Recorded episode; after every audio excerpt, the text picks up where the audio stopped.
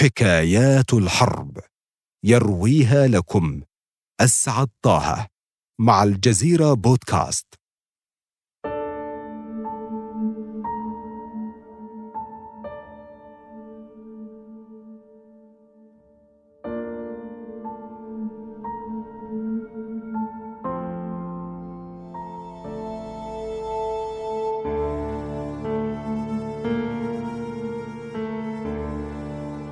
السماء تمطر شوكولاتة. الزمان عام 1948 المكان العاصمة الألمانية برلين. الحدث عملية Little Vittles. ثمت طائرة تتراقص في الهواء. يتبعها سرب كامل. يمطر العاصمة لا بالقنابل والبارود. وإنما بصناديق خشبية تحملها المظلات. تحوي حلوى.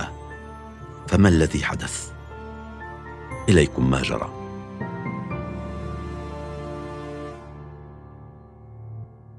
عام 1945 العالم ينهي حربه العالمية الثانية The forces of Germany have surrendered to the United Nations. which specifies the unconditional surrender of Japan. The flags of freedom fly all over Europe.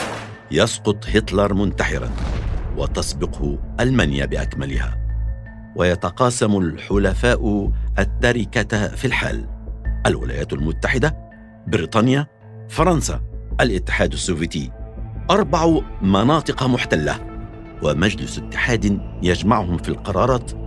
في الشرق معسكر أحمر يتزعمه الاتحاد السوفيتي وفي الغرب معسكر ليبرالي تتزعمه الولايات المتحدة ورافقتيها الأخرتين وألمانيا في المنتصف تفصل بين المعسكرين.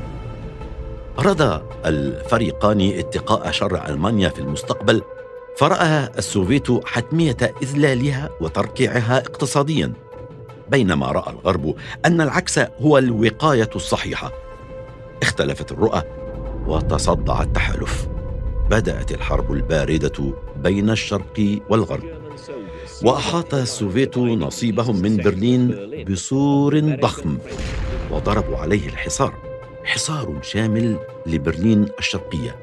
لم يجد معه الألمان ما يكفي من الطعام لأكثر من شهر وأصبح المعسكر الغربي أمام قرارين إما الاستسلام وإما حرب عالمية جديدة.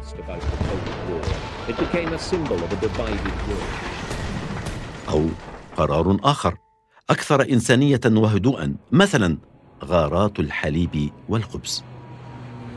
مع اشتداد الحصار قطع السوفيت الكهرباء عن العاصمة. ليغرق مليونان ونصف من الألمان في الظلام التام. ناهيك عن انقطاع الفحم والغذاء والإمدادات الحيوية الأخرى. إنها خطة الإذلال المنشودة. الجميع في المدينة يشعرون الآن أنها الكارثة المنتظرة فالحرب لم تترك إلا الدمار والفقر والآن الحصار. لكن على الرغم من التفوق السوفيتي في اعداد القوات إلا أن ثلاثة ممرات جوية بقيت تحت سيطرة الحلفاء الغربيين وفقا لاتفاقهم مع السوفيت عقب الحرب. هذه الممرات هي التي تفتح الطريق إلى غارات الحليب والخبز فوق برلين الغربية المحاصرة وتسمح لبطلنا بإغراق أطفال برلين بالحلوى والشوكولاتة. نظم الحلفاء جسر برلين الجوي. في الفترة من السادس والعشرين من يونيو حزيران عام 1948 إلى الثلاثين من سبتمبر أيلول عام 1949 ونقلوا خلاله الإمدادات إلى سكان برلين الغربية بعد يومين من إعلان الحصار. ونفذ الطيران الأمريكي والبريطاني أكبر عملية إغاثة جوية في التاريخ 700 طائرة وما يزيد عن مليوني طن من الإمدادات على مدار 270 ألف رحلة. لقد قطعت الطائرات ما يعادل المسافة بين الأرض والشمس تقريبا. ولو كنت في برلين وقتها لرأيت طائرة واحدة على الأقل كل ثلاثين ثانية. بين هذه الطائرات؟ كانت طائرة الضابط الأمريكي جيل هالفورزون والذي استقبله الأطفال في مهبط تيمبلهوف الجوي ببرلين والتفوا حوله في تطلع وفضول. لم يكن معه إلا بعض قطع الشوكولاتة التي عرضها عليهم. فرح الأطفال وملؤوا الأجواء بصياحهم. وفرح الضابط وطلب منهم أن ينتظروه في المرة القادمة. فربما تمطر السماء عليهم بعضا من الشوكولاتة والحلوى. سأله أحد الأطفال. كيف سنعرف طائرتك يا عم؟ يخبرهم مبتسما أنه سيهز جناحيه في المرة القادمة عندما يقترب منهم ويشرح لهم ما تعنيه الكلمة الإنجليزية Wiggly Wings أو هز الأجنحة. ابتهج الأطفال لوعده وأطلقوا عليه Uncle Wiggly Wings العم Wiggly Wings ثم انطلق. لم يخلف العم Wiggly Wings وعده ولم تفت أيام طويلة حتى عاد. جاء هالفرسون وألقى من السماء مظلاته محملة بصناديق الشوكولاتة والحلوى. بعدما أقنع الطيارين الآخرين على التبرع بحصصهم الغذائية للأطفال حول تمبلهوف. رأى الأطفال وعد العم ويجلي يتحقق أمامهم فأسرعوا نحو الصناديق التي تتهادى من السماء ثم ظهر المزيد من الأطفال والمزيد والمزيد وما هي إلا ساعات حتى أدركت الصحف الحدث. وعلم رؤساء هالفرسون صنيعه فأشادوا به وبدأت تبرعات الشوكولاتة والحلوى في الازدياد. يقول هالفرسون قبل أن أحصل على تبرعات من شركات الحلوى الكبرى كان الأطفال يرسلون لي تبرعات ويرسلون لي المال حتى نتمكن من شراء الأشياء التي نسلمها لأطفال برلين. على إثر ذلك تم التجهيز لعملية Little Vittles من أجل إمطار العاصمة برلين بالشوكولاتة وتم تشكيل قيادة للعملية ومقر لها وبلغت ذروة العملية إنزالا متزامنا في عشر مدن رئيسية في عيد الهالوين. وفي كل صندوق من الحلوى كان يوجد منديل كتب عليه أمنيات الأطفال بالمدينة إلى أطفال برلين المحاصرين. فقد خصصت نحو 22 مدرسة في شيكوبي يوما لكل طالب خلال الأسبوع من أجل مهمة المناديل تلك.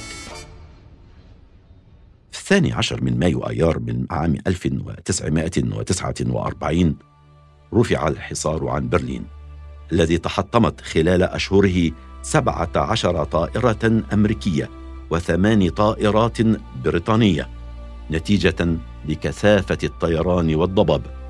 101 حالة وفاة نتيجة لعمليات الإنقاذ الجوي وثمانية عشر طن من الحلوى سكنوا جوف الأطفال في برلين. رفع الحصار وازداد الانقسام بين الشرق والغرب. شيد جدار برلين ثم سقط بعد 28 عاما.